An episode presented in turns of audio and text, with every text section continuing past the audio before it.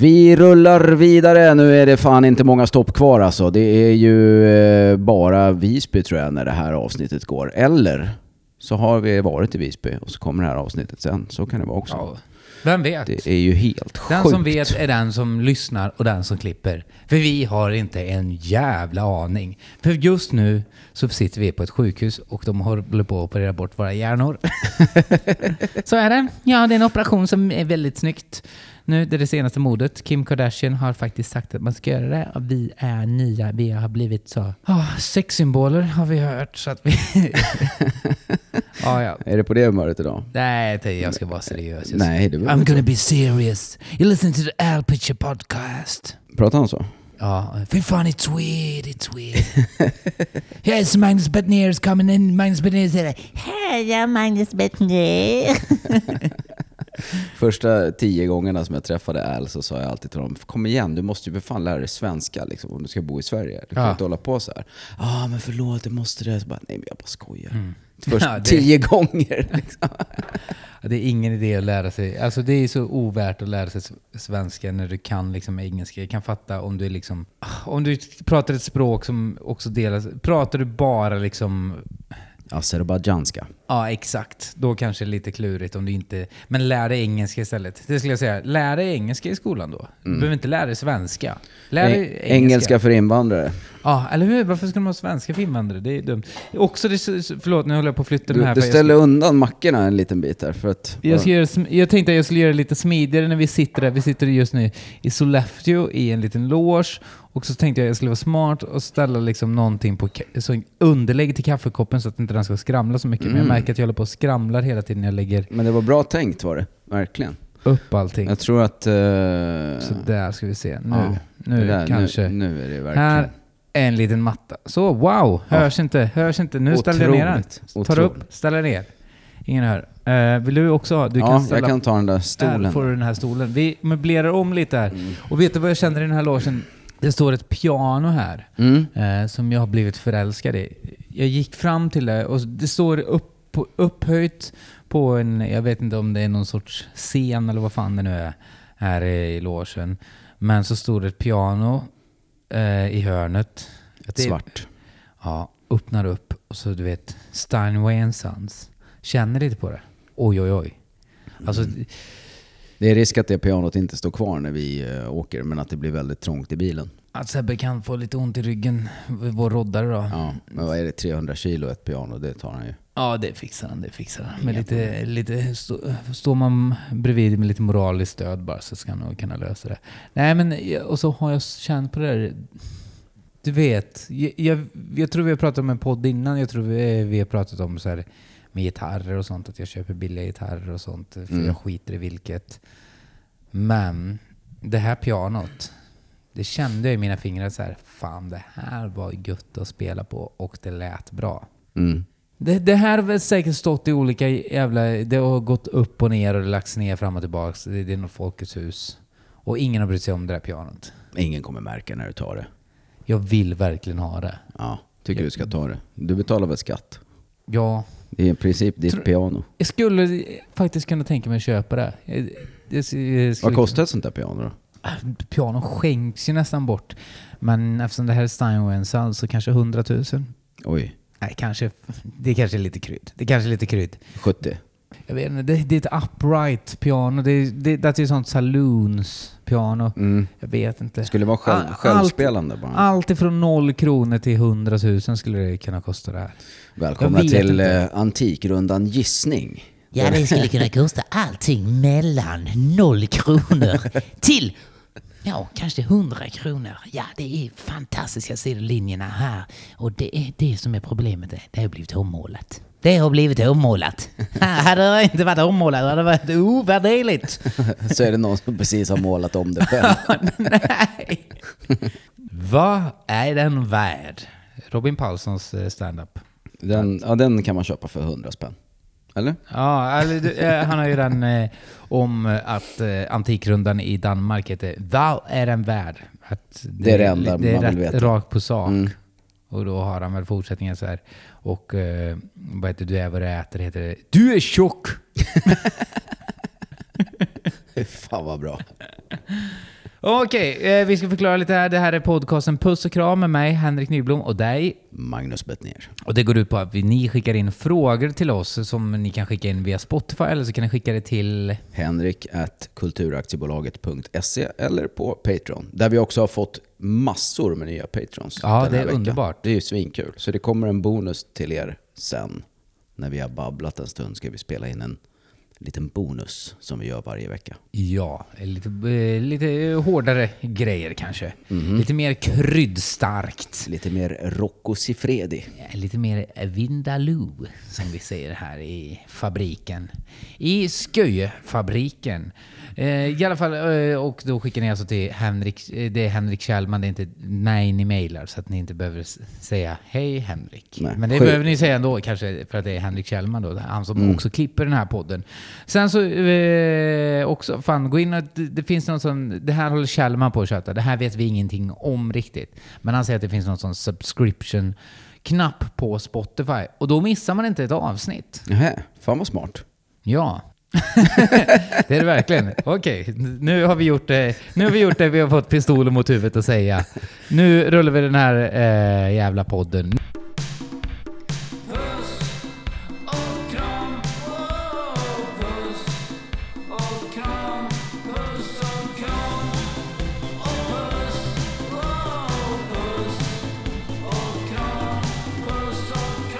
Första frågan.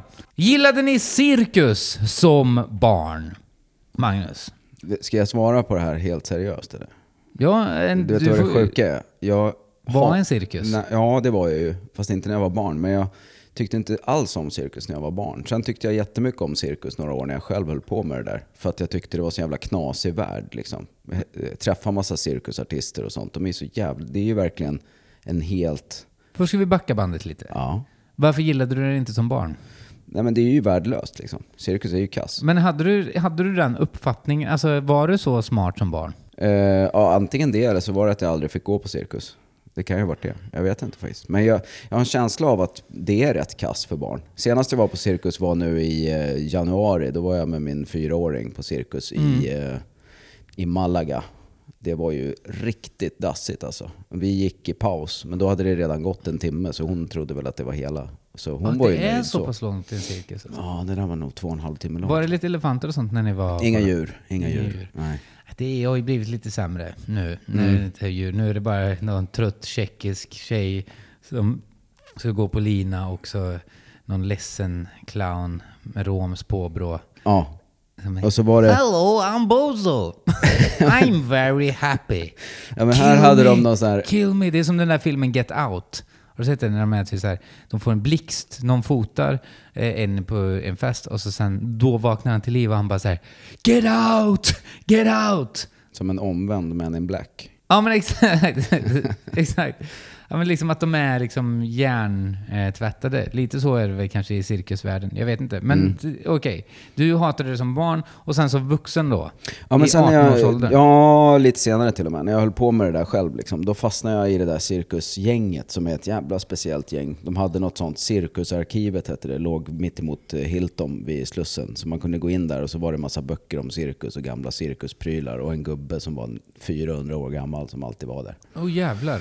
Så hängde jag en del där och så hängde jag med massa olika cirkusartister när det kom en cirkus till stan liksom. Var du då med eh, Katinka som var... Mm. Ja, jag var mest med de svenska artisterna då. Men Var det exempel- ny cirkus eller var det... Nej, det här var ju old school, riktig cirkus liksom. För dig kan man gilla de där starka Adolf med en stor mustasch och randig baddräkt. Liksom. Den känslan. Och Mm. Riktig cirkus. Vikter som är liksom eh, kanonkulor.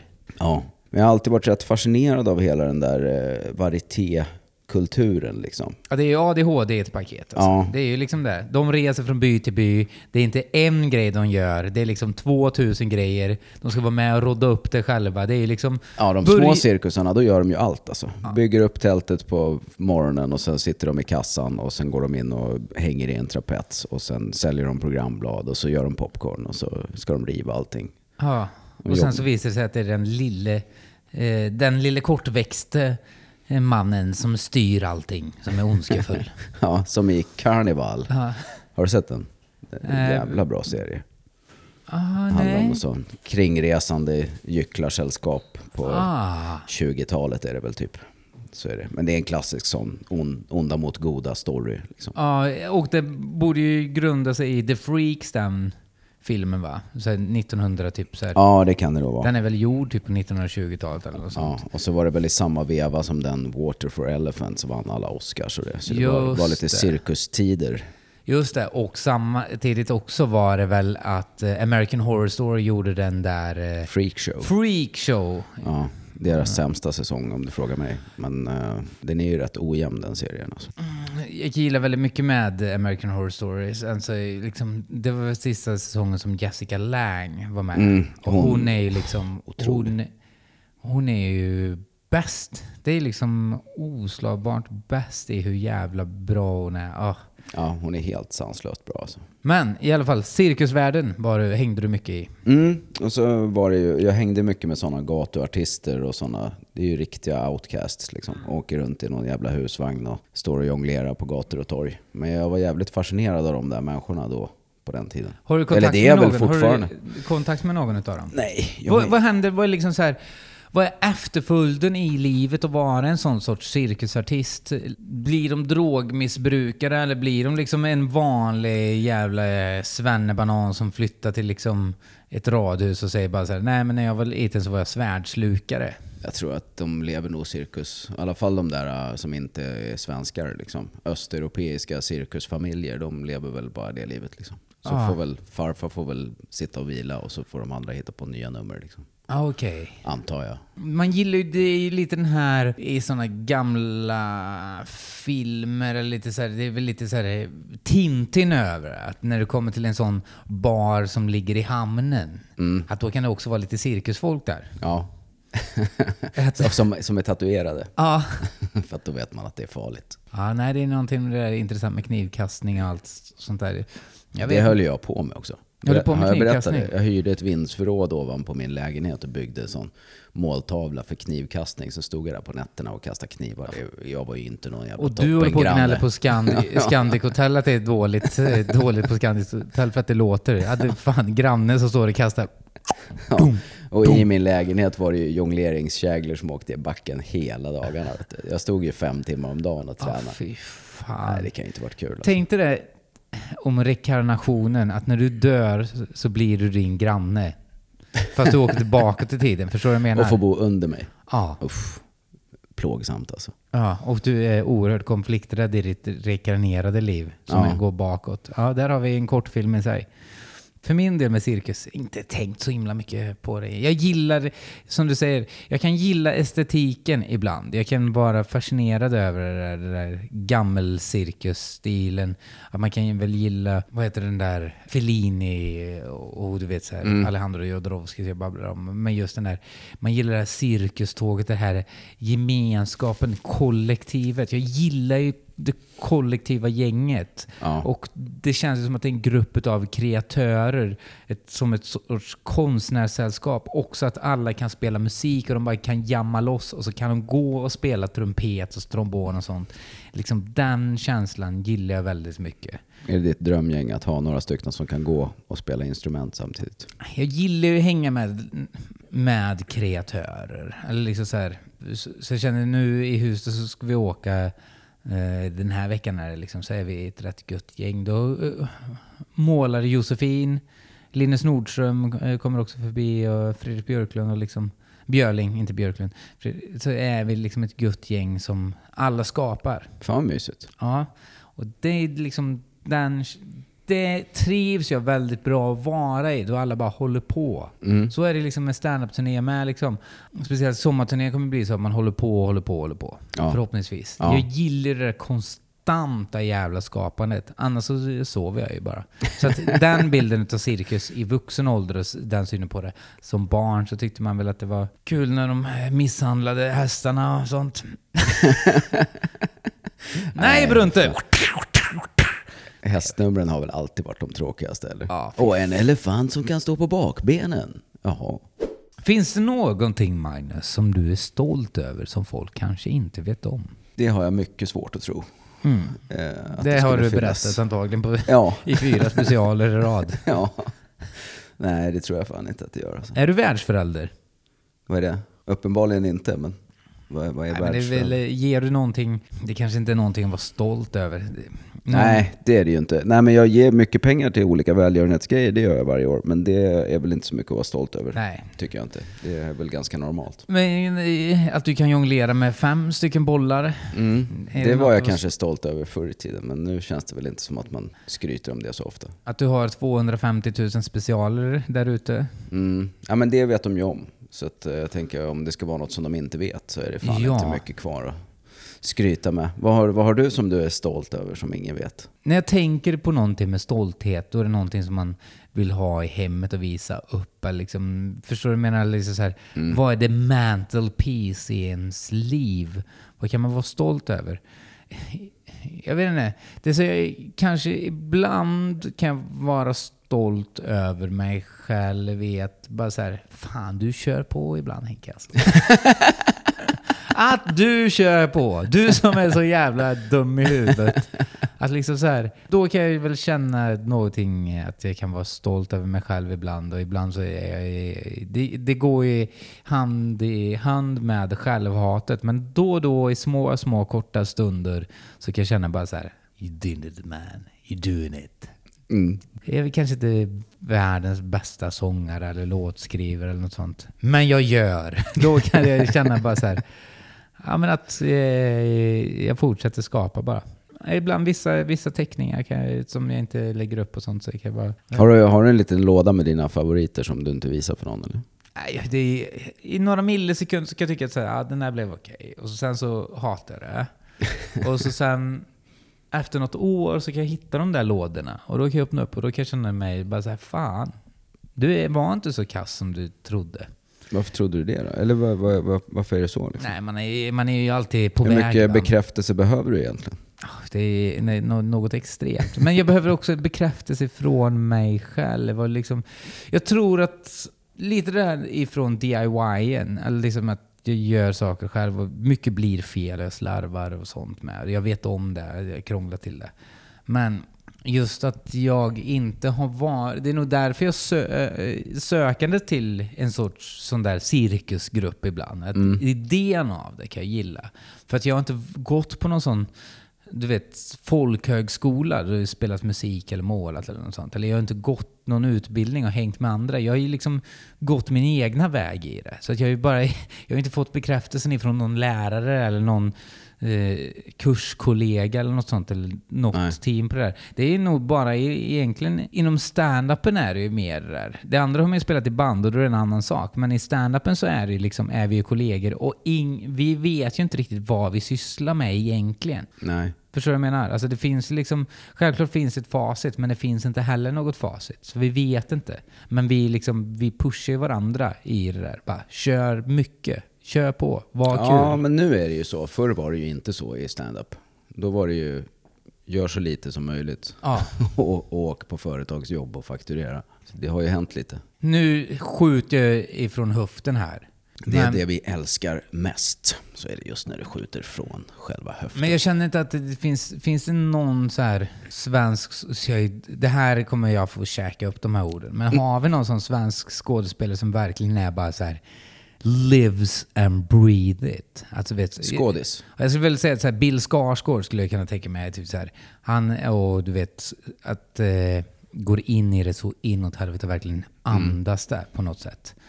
Att ta det på sånt jävla blodigt allvar med, alltså du vet, så här, Joaquin Phoenix-figurer. Ja, hela den familjen känns väl rätt seriös. Man kan tänka sig att Stellan jobbar rätt hårt på sina grejer också. Ja, att de tar, de tar det på jävligt stort allvar. Och det kan man gilla i det där. Och Alexander går mycket på gymmet. Jag skulle säga att eh, också att, eh, som inom musik, jag tror Benjamin Ingrosso jobbar jävligt hårt. Mm, det tror jag med på olika pastarecept och eh, vilka influencer-rabattkoder han ska lägga upp den här veckan och sånt. Men det berättar ju Bianca Ingrosso för oss. Att hon bara säger, ja men Benjamin han bara sjunger hela dagarna. Bara, ja, det är ju... det är det som gör att han sjunger så jävla bra. Med. Ja, Han sjunger hela tiden. Det är ju så man blir bra liksom. Ja. Och jag skojar ju hela tiden va. Mm. det, är, det är liksom min grej. De bara säger måste du skoja hela tiden? Ja! Det är ju det jag måste göra. Ja. Jag, kan, jag ska ju inte vara seriös. Då är jag en skymf. Mm, du kommer snart komma in i din seriösa period. Nej, fy fan. Mm, jag ger det tre år max. Jag har gjort en eh, intervju som blev seriös där. Sen så vill inte jag göra det, men jag har ont i magen för den där. Har den kommit ut än? Nej, Nej. Mm. men jag har ont i magen för sånt där. Jag gillar inte att vara seriös. Nej, det har vi märkt. Eh, jag minns inte vad frågan var. Nej, det Något du var stolt över. Kom du fram till något? så jävla stor roll tror jag. Kom du fram till något, Mange? Nej, inget, alltså ingenting som inte folk vet om. Men jag är jättestolt över mina barn, att jag är en bra pappa. Jag är jättestolt över massa av jobbgrejer och så. Men det är ju liksom ingen hemlighet. Är direkt. du pappa? Ja, till minst två. Hur skulle du reagera om du fick, det här är inte en fråga, det är en personlig fråga, bara med, alltså, eller en privat fråga från mig. Hur skulle du reagera om det var, dök upp en liten knott? Ja, fy fan vad jobbigt det skulle vara. Alltså. På alla sätt och vis. Vad skulle, För att då skulle man ju känna liksom att man var tvungen att ta ansvar för det barnet. man skulle Jag- inte känna så här, fan där har vi en special till. Nej, jag, jag lider ingen brist på idéer direkt så. Eh, Så det skulle nog inte vara en faktor. Men det skulle nog, nej, mest skulle det bara vara jävligt jobbigt. Alltså. Hej, jag heter Perikles, du är min pappa. Mm. Och så är han Nej, typ nej. 14 år. Uff. Ja. Incel. Ja, nu är ju det omöjligt så att det är ju lugnt. Vadå omöjligt? Det är just det, du har ju inte knullat Jag har runt. inte legat med någon Nej. någonsin. Jag vet inte ens hur jag har de två barnen jag har. Ja, det var väl på natten så tumde hon väl någon, hittade väl hon någon sån strumpa och körde upp i röva eller hur det nu går till. Jag är 17 år och rookie. Ja, jag har kört en gång. Jag bor i Karlskrona och jag undrar vad har ni för tips för att utvecklas när det inte finns någon stad med stand-up i närheten? Flytta. Flytta, ja det är ju det. Det är alltså, du, sättet. du, du är 17 år, du kan hoppa, byta gymnasium. Det är väl inte så jävla svårt. Eh, Karl eh, det, i Helsingborg fanns inte så jävla mycket stand-up så att han åkte till Göteborg hela tiden. Så här också, du har kört stand-up en gång. Eh, jag förstår, alltså så här, det kanske är en rolig tanke i det. Men ta en person som Karl då, som började vid 17. Då hade han eh, varit Sveriges bästa trollkarl när han var 16 Mm. och hade en extrem scenvana och hade redan börjat med att skoja på scenen och liksom, återigen, bäst i Sverige på trolleri. Mm. Den stage presencen var ju fenomenal. Och han är väldigt medveten om liksom, och klok som fan och kunde göra det där. Så att i att det tipset då kanske för dig att hoppa av skolan och satsa på stand-upen när du kört stand-up en gång. Kanske inte riktigt eh, bästa tipset. Gå klart gymnasiet. Få ett eh, fullständigt gymnasiebetyg. Mm. Eh, flytta till en stad där det finns stand-up. Göteborg är vi, tror jag är superbra för eh, om du kör rookie nära till Karlskrona, om du vill åka hem lite och hälsa på dina päron Mm. och sånt. Eh, Och Sen är det väl en bra idé att dra igång en egen klubb också. Ja. Oavsett var man bor. En klubb och en podd som komiker kan gästa. Så får Ja. man träffa alla. ja, gå på de klubbarna, alltså så här, i, ja, men jag ska säga Göteborg, lär känna någon som också är rookie och så starta, gör er egna klubb som Magnus säger. Mm. Och kör på bara. Eh, så kommer du känna på det, efter ett år så kommer du känna så här: nej, det här var inget för mig. Jag var inte så jävla rolig. Det är ju det som är grejen, att killar känner ju aldrig så. Så de bara fortsätter och fortsätter och fortsätter. Ja. De enda som lägger av efter ett år, det är brudar. Ja. Killar säger ju bara fan vad publiken är kass alltså. Ja. De fattar inte mitt incestskämt om Hitler. Sluta sno mitt material nu. Och man tror att man kommer utvecklas. Nej. Det är incest med Hitler i slutet med.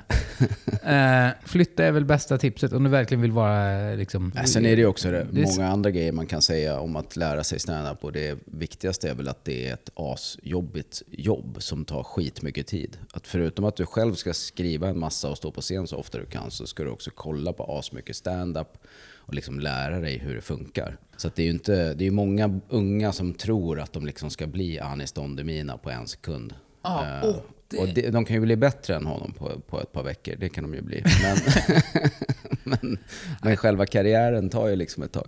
Ja, och det är... Kolla på Fredrik Andersson är väl fan ett lysande exempel. 20 han, år. Han har hållit på lika länge som jag nästan. Ja. Eh, Jag tror han började 2004, nej i och för sig inte riktigt, men typ 2003 eller något sånt där började Ja. han. Eh, Och det är väl två år som det har gått bra liksom. Vad är han? Typ, snart typ 47 eller något sånt. Han ser ut som 67 så han är väl där någonstans. Ah, s- men du vet att han har ju bott i så jävla rum i andrahandslyor liksom. Ja, och var ju i London skitmycket och giggade. Ja. Var, när jag var där så var ju han också där och körde dubbelt så mycket som jag. Liksom. Ja, och bodde verkligen i... Han bodde, man ska, han bodde ju verkligen i utkanten av London också i såna jävla rum och sånt. Ja. Verkligen så här skethörd liksom. Det var inte så att han upplevde London på det sättet. Han var ju verkligen fokus, fokus, fokus. Och som du säger, liksom, det har tagit 20 år. Och sen är det jävligt mycket så här, som för Fredrik, hårt arbete. Och sen när det verkligen breakade för Fredrik Andersson då, det var ju när han löste algoritmen på något sätt. Att han började liksom lägga ut svin mycket på Facebook. Han är ju väldigt smart i det där att liksom veta, okej, jag ska lägga ut vid den här tiden på YouTube. Jag har räknat ut att så har man TikTok, då ska man göra det här och det här och det här. Folk gillar den här texten. Så att han är ju liksom han arbetar ju off stage så jävla mycket. Och, sen och det gör ju alla som det går bra för. Det gör, Ja. Jag gör också det, svinmycket. Och med va- varierande eh, mycket såklart. Men alla i princip som säljer mycket biljetter jobbar ju med tusen andra saker. Ja, och det finns ju liksom, det finns ett arbete som ligger där bakom. Alltså, jag, så för mig att komma in i det överhuvudtaget, så inte bara jobba, på- att vara på brunnen, så, här, så jag lärde mig liksom så här filma och sånt. Eh, och liksom, du måste kunna mer än bara vara rolig på scenen. Det är som att det är det som är det tråkiga i det. Det är som att vara musiker och vara bra på gitarr. Det hjälper liksom inte. Då blir du kvar i Nej. Karlskrona. Nej, det finns bara en enda komiker som inte kan någonting annat än att vara rolig och det är Johan Glans. Alla andra har ju liksom marknadsföring och de eh, fotar och de filmar och de eh, fattar hur eh, sociala medier funkar. Och de, det är ju liksom fyra jobb man måste vara skitbra på. Ja, men fan, också med glans, det skedde inte över en natt för honom heller. Nej, gud nej. Det, men han har inte Han jobbat ju- så mycket på andra grejer. Liksom. Men han hade ju turen att de fick in ett tv-program där med. Sånt där jobbar han ju med. De jobbar ju med att skriva manus och sånt. Det får man ändå... Det är han ju duktig på. Han, liksom, när de gjorde det här i kvarteret Skatan så jobbar de mycket och så jobbar han som skådespelare. Så att Ja. skådis är ju hans jobb. Ja, det är också, man ska det, är se. Men det är ju han- fortfarande mest att han är rolig på att skriva. Liksom. Ja. Att han är bra på det. Liksom. Men det är ju ett... It's a hard knock life. Är vad du ger dig in på i så fall. Och det är vassa armbågar där ute. Tro inte att du kan komma upp och vara bland grabbarna med en gång. Det kan du glömma alltså. Ja. Du tror att du vill sitta vid bordet och snacka humor? Nej, så jävla lätt är det Får du göra humorlumpen först. Ja. Och så ska du komma och så ska du berätta om någon ny person som du sett på YouTube och så ska du försöka vara lite nörd i det. Ska du försöka sätta oss gamlingar på plats. Har ni sett Bilder Wilmut? Han tycker jag är rolig. Vem fan är Bilder Wilmut?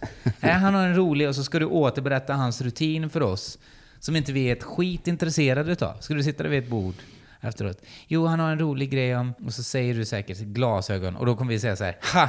Det där låter som Adde Malmberg på eh, 90-talet. Ja. Jävla, jag tänker aldrig kolla upp den där. Så blir det dålig stämning och så kommer det kännas så här. Fan, de var så jävla osköna. Och sen så fortsätter du köra och sen efter 20 år så kommer det hända samma sak för dig. Mm. Då är det du som sitter där och mår bra. Ja. Nej, men flytta, flytta, flytta, flytta. Eh, Magnus, Mm. gillar du, gillar du Nej. att fiska? Gillar du att fiska? Gör du det? Ja, men det gör jag faktiskt. Fast jag tycker inte att... Alltså jag tycker om idén om att fiska. Att så gå upp tidigt och ta med sig sina grejer och, och sitta på en berghäll liksom. Jag gjorde det ganska mycket när jag var liten. Är det meta eller kastspö? Nej, både och. Båda Eh, åker in i varsin hand då eller? Ja, eller hur fan gör du? Och så in i pimpel på kuken. Ja. Sätta där i, i ollonet. Kukpimpling är det bästa. Nej, men jag har fiskat jättemycket när jag var ung, men jag, det är liksom ingenting som jag... Nu är det säkert tio år sedan senast. När Lina var liten någon gång som vi var ute och fiskade. Liksom. Ja, vi gick ni ut vid, eh, i- ställde vid vattenbrynet då? Eller, ställde, Ja. eller hade ni sådana där stora jävla hängslebyxorna och gick ut i vattenfall och stod där och flugfiskade? I Mälaren kan man ju fiska från en brygga bara. Liksom. Det går- funkar ju bra. Ja, ni, ni körde innerstadsfiskning. Ja. Blir man inte fascinerad när man går runt i Stockholm och så står det oftast en äldre man ifrån ett annat land Mm. som står och fiskar mitt i stan? Ja, men det, där finns ju alla storstäder. Jag kom, tänkte på det när vi var någonstans, jag och Lina, och gick på En turkisk strandpromenad. Liksom. I Har stor man, trenchcoat och stor hatt. ja, och man har ju aldrig någonsin sett någon av dem få en fisk. Nej. I hela sitt liv. Alltså Nej. man har sett tusentals sådana gubbar och aldrig någonsin sett någon dra upp en fisk. Ja, fan, det är också sån där... Det är lite... Eh, det här är ju nästan en programidé. Eh, att man fortsätter den här listan. Eh, med sådana som man, ska bara, som man aldrig pratar med. Alltså på det där sättet. Den sortens gubbe skulle man vilja gå fram och köta lite med. Samma sak med sätta sig med A-lagarna pratade vi om förra veckan. Ja. Men den gubben som står och fiskar. Men är det inte så här, Mitt i stan fiskaren. är det inte så golf för fattiga människor? Att de får köpa lite prylar, men det kostar inte så jävla mycket. Och så Ja. kan de gå iväg i åtta timmar och säga till sin fru att jag ska ut och fiska nu. Ja. Så de får vara i fred Det är liksom. verkligen leva på hoppet. Ja. Sen så finns det de som magnetfiskar-människor. Det är ju fascinerande. Ja, det alltså. skulle jag vilja testa. Ja, ja. Det, låter, det verkar ju kul. Men jag blir lite när jag ser det där, att jag blir så sugen på, för jag har ju faktiskt suttit på YouTube och kollat och tycker att det är väldigt kul med det här. Men jag blir ju sån där störd att jag vill ju, då blir det mer att jag blir fascinerad över att jag vill köpa den starkaste jävla magneten som finns. Ja, jag har också varit inne i det där träsket. Men det är faktiskt en av få grejer som jag inte har köpt. Ja. När jag tänkt så här, det där skulle man ju ha. Ja. Det, och så köper jag det. Jag har ju liksom, jag har ju tusen saker hemma som jag aldrig använder. Så här vattenfilter och knivar och tält och du vet allt möjligt skit. Som har ja. använts liksom två veckor om året och resten bara ligger där. Kunde varit, jag hade sparat så mycket pengar på att bara hyra grejerna när jag ska använda dem. Liksom. Tror du att man samlar på sig mycket grejer när man har en studio och eh, man jobbar med produktion inom eh, tv, stand-up, föreställningar och har plats? Åh, den här, den här gitarren. Åh, den Oj. här kameran. Nu kommer vårt intro. Ja. Sebbe är uppe och soundcheckar. Vi ska ändå ta en paus nu tror jag. Sen ska Yes. vi ta ett par frågor till. Men jag, eh, med fiskning, Ja. jag eh, fiskar inte.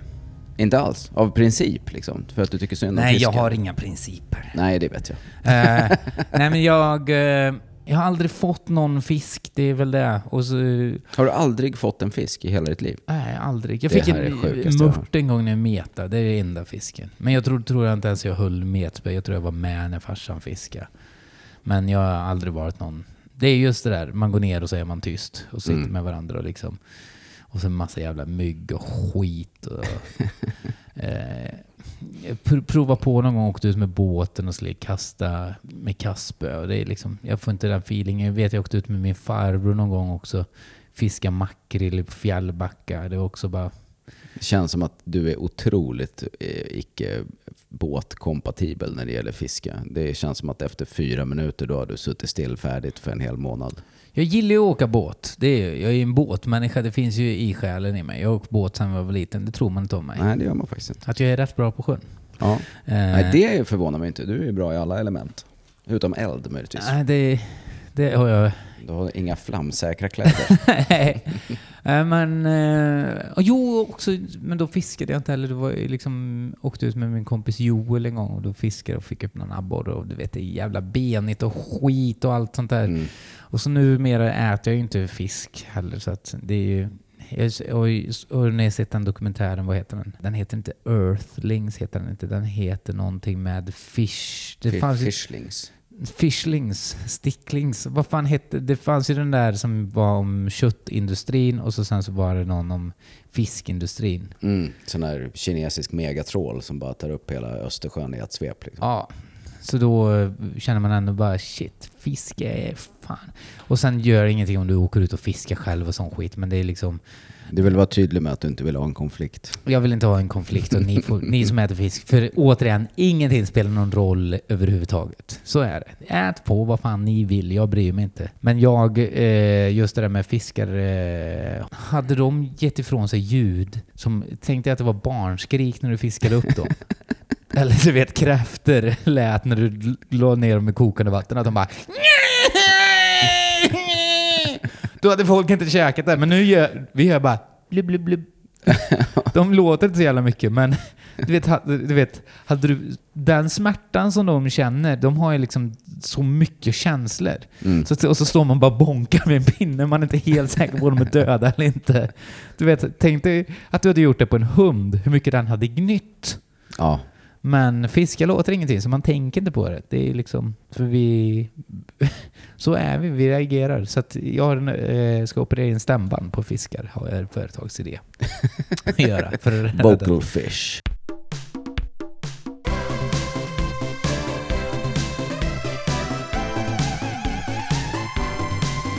Då är det dags för um, det populära segmentet som ingen har sagt om det är bra eller dåligt eller överhuvudtaget. Är det, Henrik hatar, Henrik hatar, Henrik hatar. Du kan få Scandic Hotel av mig. Nej, det... Jag har inte så mycket emot Scandic Hotel. Fan. Det får du hata på. Det får du hata på. Mm. Okej, nu ska vi se här. Hur jag ska kunna förklara det här. Hur jag ska kunna sätta... Så att ingen känner sig eh, sårad och ledsen. Nej, hur, eh, hur jag ska kunna sätta de här känslorna i print. Mm. På pränt. På pränt, säger man det? Ja, det brukar man På säga. pränt på min tungspets. Mm. Som yttrar sig ifrån min själ i mitt hjärta. Vad gjorde att din, hjärnan eh, transformerade. Ja, vad är det då jag ska prata om? Jo, det är väl det som jag funderar på då. Eh, jag hatar oordning. Gör jag.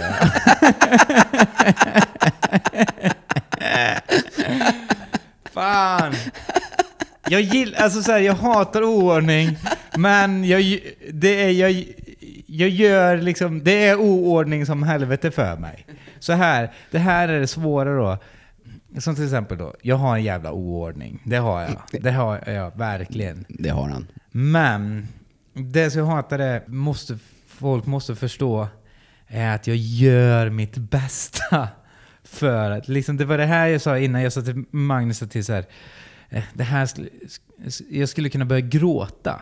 Nästan försöker förklara det här, för att det här är liksom, jag gör mitt bästa! Och så är det liksom. För så kan jag känna lite med huset också, att det är så här, det är liksom ett kaos. Mm. Och jag jobbar liksom varje, varje vaken timme med det. Ja. Men det är bara så här, fan vilken oordning du har! Bara så här, men du vet, det kan jag liksom tycka är jobbigt i det där. Bara så här, fuck. ni- Du vet, en vanlig person skulle vara död vid det här laget för att lägga ner den här tiden i det. Men att det blir den här, att jag vet att jag är en jävla slarveputte på många sätt. Men jag gör mitt bästa. Du vet, att det är det jag kan hata ibland. Att bara så här, och jag hoppas väl att det syns på ett sätt. Och då kan jag känna bara så här, fuck. Jag kan förstå det komiska i det. Jag förstår alltså typ så här, att jag är en slarver. Det är jag verkligen. Men just den här att som att det är en obryddhet. Det Ja. är det ju inte. Det är ju inte Nej. så att jag bara säger fuck det här. Bara så här, den här kan du slänga där, den där kan du slänga där. Det är liksom, it's in my DNA, Mm. som Kendrick Lamar säger. Men vet du vad det beror på då? Slarveputte. Nej, det beror på att du har ADHD. Nej, det Ja, är det inte. 100 procent. Klassiskt sånt. Så fort det blir en tom yta, då blir den full med grejer. Det är alla ADHD har det problemet. Varför är det så? Eh, därför att man tänker att jag tar det där sen, för det är så jävla jobbigt att lägga grejen där den ska vara. Så att man lägger den istället på eh, ett bord. Och sen nästa grej lägger man på samma bord och nästa grej och nästa grej. Och sen får man städa. Och då börjar man plocka undan några grejer och då kommer man på en annan grej man ska göra istället. Och sen blir man aldrig klar. Ja. Och sen pågår det där bara liksom. Det är ju svinjobbigt. Som Eh, häromdagen då, det- gjorde... Jag håller på att fixa med många saker samtidigt. Jag gör, det där med ett rum i taget, det finns ju liksom inte i mitt... Jag förstår folk håller på att säga det hela tiden. Kör ett rum i taget. Det blir, man kör ett rum i taget. Bara säga ja, ja, det fungerar i era jävla fittiga liv. Men inte i mitt kaos. Och liksom, för jag vill också göra saker så jag mår bra i det samtidigt. Jag fattar att det är så här, slutresultatet blir bra, men jag skiter i slutresultatet för life's journey, not the destination. Mm, Men det där tror jag faktiskt är ett, ett problem på riktigt alltså, om jag ska vara seriös. För det, jag har ju samma grej, fast jag är inte lika slarvig som du. Ja. Men jag, har ju, jag mår ju dåligt av att det är stökigt hemma. Men jag kan inte fixa det. Alltså jag går Jag omkring, ju fixa jag fixar det hela dagarna, bara går och plockar med grejer och städar undan efter ungarna och städar undan efter mig själv. Och sen är det lika jävla rörigt i alla fall dagen efter. Liksom. Det, det är svinsvårt alltså. Ja, men jag kan få, så, som nu och senast fick jag sånt, eh, eh, precis innan vi åkte iväg nu, vad fan var det tisdags? Skitsamma vilken dag det var. Men fan bryr sig vilken dag det är som är sån här, vilket år var det? Var det 1997 eller 98? Bara ja, ja, skitsamma, har det någonting med historien att göra? Nej, gå vidare. Ja, i alla fall. Jag hade ett rum som bara jag hade verktyg och skit i. Och massa material och virke och bla bla bla. Eh, men så fick jag bara ett ryck att bara ut med det i ena boden. Mm. Och det var ju verkligen så. Bara städa upp. Men då har du bara flyttat skiten till en annan bod. Ja, men då har jag också organiserat upp det. Har du gjort det? Och märkt upp med lappar och sånt liksom? Jag hann inte riktigt det. Nej. Men jag har liksom, det är i alla fall en hylla då det liksom målar grejer, men en hylla som det är andra verktyg. Men just den där att bara så här, okej. Men just det där att städa i det. Men samtidigt som jag gick fram och tillbaks med en uh, rullebör, en uh, skottkärra. Så varenda gång jag gick fram och tillbaks så såg jag någonting på gården. Så jag bara så här, oj, för massa jävla schaktmassa som det heter, håller på och gräver upp. Men så, så i den där schaktmassan, så, sådana fina stenar som jag också gillar. Du vet, så, bara så, här, så går jag förbi och bara så här, ah, den där stenen måste jag plocka ner från schaktmassan. Istället för att bara säga, okej nu tar du alla stenarna och lägger dem där. Nu gör du det här. Så att hela tiden så var det liksom en omväg. Och så gick jag förbi missionshuset så jag höll på att skrapa bort färg på samtidigt. Så bara så här, just det, det där måste jag olja ja. Det får jag inte glömma. Så går jag och oljar ena och sen går jag tillbaka. Och sen andra vägen så bara så här, just det, jag måste vattna blommorna lite med. Och så när jag vattnar blommorna så ser jag så här, ja men där är lite, det här ogräset, vad är, är det här ogräs eller inte? Så skickar jag till min brorsa, bara, eh, fotar. Är det här ogräs eller inte? Och då säger han så här, det finns en app som du kan ladda hem. Så du fotar eh, växten på, så får du reda på vad det är. Och då säger jag, men du har ju appen, kan inte du kolla det åt mig? och så sa han så här, det här är, det är ett ogräs. Jag bara så här, fuck, är det ett ogräs? Och då börjar jag plocka allt det där ogräset. Och sen så går jag tillbaka till skottkärran och så går jag fram och tillbaka. Så att, att flytta de där grejerna hade nog antagligen tagit två timmar. Nu tog det åtta timmar för att jag gjorde saker samtidigt. Men det som jag hatar då är att inte förståndet att liksom så här, jag gör mitt bästa. Jag sliter. Jag, jag är hård mot mig själv i det där.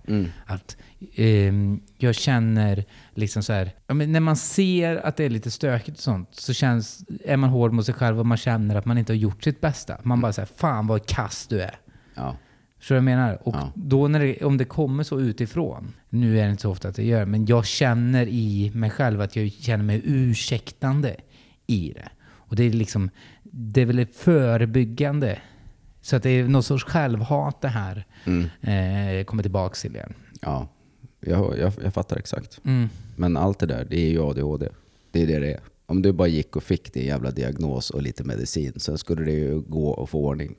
Men jag vill, jag, Du vill inte ha ordning. Du, du vill ju bara vara strulputte. Ja, men jag, det ger ju någonting samtidigt. Varenda, det, mår ju bra i det där med att det behöver liksom inte... Det, det kommer lösa sig. Det kommer Ja. lösa sig. Jag ska, jag ska visa! Jag ska visa! Det här ska bli bra! Mm. Jo men det, det går ju, men man får anstränga sig ordentligt. Alltså. Ja, ja. Jag, hade ju, jag har ju haft samma garderob i tio år, alltså själva fysiska platsen där mina kläder ligger. Nu för Ja. ett halvår sedan så bestämde jag mig för att jag måste märka upp lådorna med lappar där det står vad som ska ligga var. Och då går det nästan att hålla ordning. Ja. Det blir oftast ändå så att jag lägger tvätthögen på sängen. Sen flyttar jag ner den på golvet när jag ska gå och lägga mig. Sen flyttar jag upp den på sängen igen. Så flyttar jag ner den på golvet och så håller jag på sådär en vecka. Men sen till slut så stoppar jag in grejerna på rätt plats. Man gillar ju ordning. Ja, det är ju det som är så sjukt. Och det går ändå inte att hålla den där jävla ordningen. För att det är så ens hjärna funkar liksom. Men sen så kan jag ju samtidigt, jag kan ju hata för mycket struktur i det. Mm. Det är liksom så här, för det, då blir det omänskligt. Jag vill ju också att det ska vara rough around the edges också, att man ska köra på. Men det är väl det där att man känner någon sorts skam i det. Det är väl också det där, eh, så här, om man nu ska säga, dra det till den filosofiska kanten. Den bilden utav ordning är ju liksom, det är omvärldens bild utav det. Så att då känner man sig utanför eh, och då är bara så här, Fan vad stökigt du har det. Bara, ja, bara för att 90% har det i ordning Ja. så är det här stökigt för er. Ja, men du säger ju att det är stökigt för dig med. Du mår ju dåligt av det. Annars hade du inte tagit upp det. För jag är ju likadan. Ja, men jag mår ju dåligt av det för att världen ser Nej, ut så. Det, tror är jag inte på. Nej, det där tror jag inte på. Tror du inte att det Nej. är en, liksom en skuld jag känner? Du är tillräckligt eh, stark för att kunna skita i det om du skulle vilja. Äh, men eh, så här. Vad, vad egentligen? Det är ju så omöjligt att veta. Men till exempel då att en gräsmatta ska vara kortklippt. Nej men det är ju skitsamma. Det är ju en annan grej. Det men håller- man mår ju bra när den är klippt. Ja, men det Fast är det för att man känner att man någon utifrån? Men jag tycker det är så här, det är det som är skönt med att det är kortklippt. Att man, det är för, man slipper kanske sniglar och skadekryp och sådana saker. Mm, det är ju praktiskt. Oftast med någonting så finns det ju en anledning till varför saker och ting är bra. Till exempel så här ruttet trä. När jag, när jag förstår varför, så här, förlåt för att jag babblar på. Men, Babbla på. Men till exempel ruttet trä, när det är liksom, då kan det sprida sig i resten av trädet och då går huset sönder. Mm. Så att i den sorts ordning. Varför du målar fasaden utomhus, det är ju för att du ska hindra dig från röta, och väder och vind. Så att, ni, Jo, ni, men det jag menar är att du har ju inga problem med att måla fasaden rosa om du skulle känna Nej, för det. exakt. Och det skulle ju inte resten av världen tycka var okej. Nej, Så det är ju det är inte riktigt eh, sant.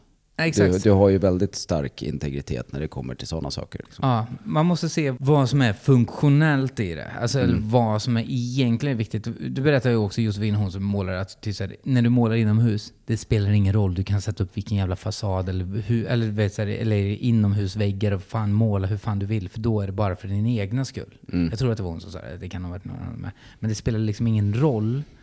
Men utomhus så fyller det sin funktion.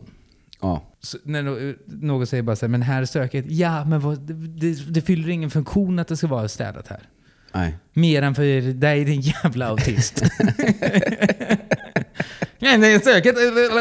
Det, är så, det ska vara symmetri här. Bara så här, fuck din symmetri. Köp den i röven och dra härifrån. Kom aldrig tillbaks igen.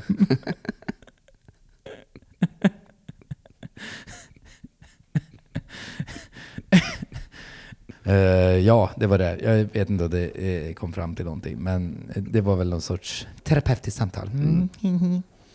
Magnus, Ja. över till din kärlek. The love me, the love doctor. Magnus älskar, Magnus älskar. Åh, vad jobbigt det här är alltså. Okej, men jag kopplar på på din då. Jag älskar min städfirma. Det här, det här är en het potatis i Sverige ju. Men jag vill inte städa upp min egen skit om jag inte måste. Och Nej. jag är också asdålig på det. För jag har verkligen det där problemet som du säger. Det är rörigt som fan. Och jag vill inte ha det rörigt. Men jag fixar det inte alltså. Jag kan städa, jag vet hur man gör. Jag kan dammsuga, jag kan diska, jag kan putsa fönster. Jag gör det också. Ganska, Mm. Inte putsa fönster, det har jag aldrig gjort. Typ. Men eh, jag vet hur man gör i teorin. Det var bara att Men- ta bajs på ett tidningspapper och köra. ja. Men det är så jävla skönt att jag har en firma som kommer hem till mig ungefär en gång var femte, sjätte vecka kanske. ja. Och blåser igenom hela jävla lägenheten. De är två stycken som bara gör det där i åtta timmar. Det är svindyrt. Men det är så jävla värt att de kommer dit och så kommer jag hem och så bara... ah, Man bara andas ut. Man bara känner så här, fan vad det är fint här. Och så är det det i en dag typ. Sen ser det ju likadant ut. Men det är fan värt. Ja, men det, det är väl i sig som en liten... Istället för att ta en weekend då till liksom det, Oslo Mm. så kanske det kan vara värt att ha en liten sån städning. Ja. Sen är det ju synd att man är en offentlig person så att man måste ha vit städhjälp. För annars hade det ju varit ännu bättre. Då hade jag haft städare varje vecka. Jag hade haft en sån polsk tant som får 25 spänn svart. Ja, jag tycker, vet du vad jag tycker att det borde finnas på ett smidigare sätt? Det är ju väldigt krångligt med företag i Sverige och sånt.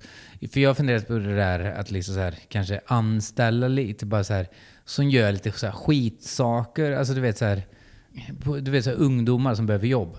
Och så bara säga, ah, men du får vad är det, 90 eller 100 spänn i timmen för att göra de här grejerna. Lyfta Mm. lite skit och sånt. Att jag hade kunnat göra det. Men det är för krångligt för, Ja. för liksom så här, för staten. Och så då kan inte jag göra det för att jag vill inte åka på ett sånt jävla skattebrott eller fan. Nej, det går ju inte. Vi. Den här podden är sponsrad av Timbro. Vi är för låga ingångslöner Eh, och gig-ekonomin. Ja, gigekonomin. Men det skulle finnas något smidigt sätt att bara finnas någon... Att det finns väl det där att man skulle kunna ta... Ah, men då måste de göra... Vad heter det? Jag vet inte fan vad... Nej men det finns jättebra vitt och det är inte, Ja. det, det är ju dyrt. Det blir ju dubbelt så dyrt, mer än det, än att ha svart såklart. Men det är ju värt för mig ändå. Liksom. Ja, vi får ju gratis sjukvård och vi får ju mat i skolorna. Nu är jag aldrig sjuk och jag har inga barn. Så vad fan ska jag betala det där? Ja men du betalar ju skatt för att du ska få ta det där pianot sen. Ja. Som Sollefteå kommun har köpt. Nej men det är väl... eh, Jag, jag tror vi har pratat om det i en annan podd när jag hade sån flyttstäd. Mm.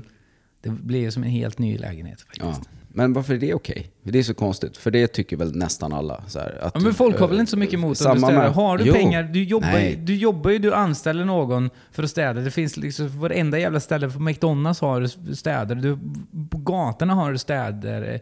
Du På hotell har du städare. Ja. Men det är okej, allt det där är okej. Men Överallt. det är inte okej för väldigt många svenskar att du har en städare som kommer hem och städar i din egen lägenhet. Av någon jävla anledning. Eller anledningen är väl att det är så mycket svartjobb och jävligt pissiga vil- villkor såklart. Men i eh, själva idén om att någon annan städar, den ju, finns ju överallt. Liksom. Ja, jag, förstår, jag förstår att det kan vara gnälligare, men allting är ju egentligen, städare är ju egentligen en mikrouniversum av allting som du gör. Alla är, är ju att städa upp din skit. Allting som du inte gör. Lagar du inte bilen är, kommer en bilmekaniker som städar upp din skit. Ja, ja. Om du liksom har problem med din dator så lämnar du in den och så är det någon som städar upp din skit.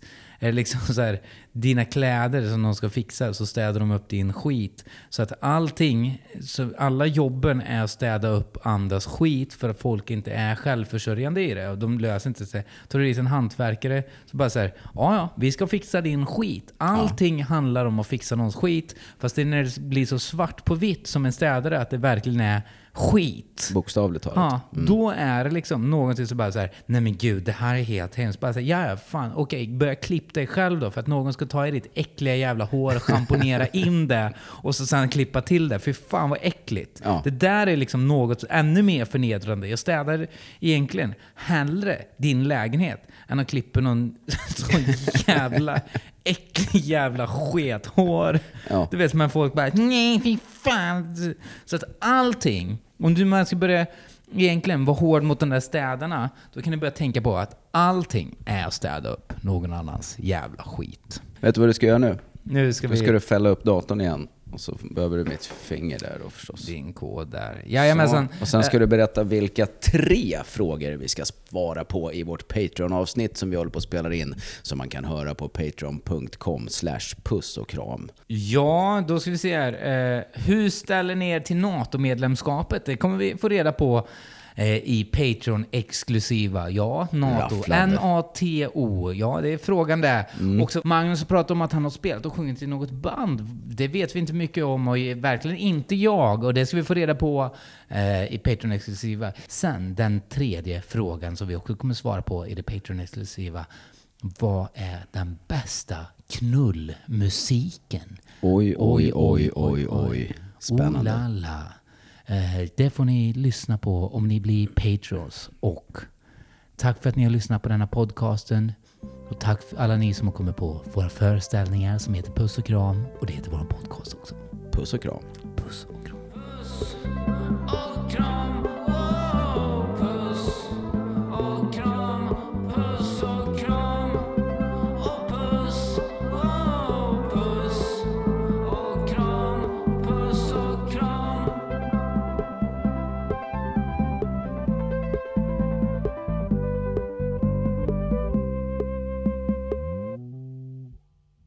Den här podden är klippt av Henrik Kjellman och producerad av Kulturaktiebolaget.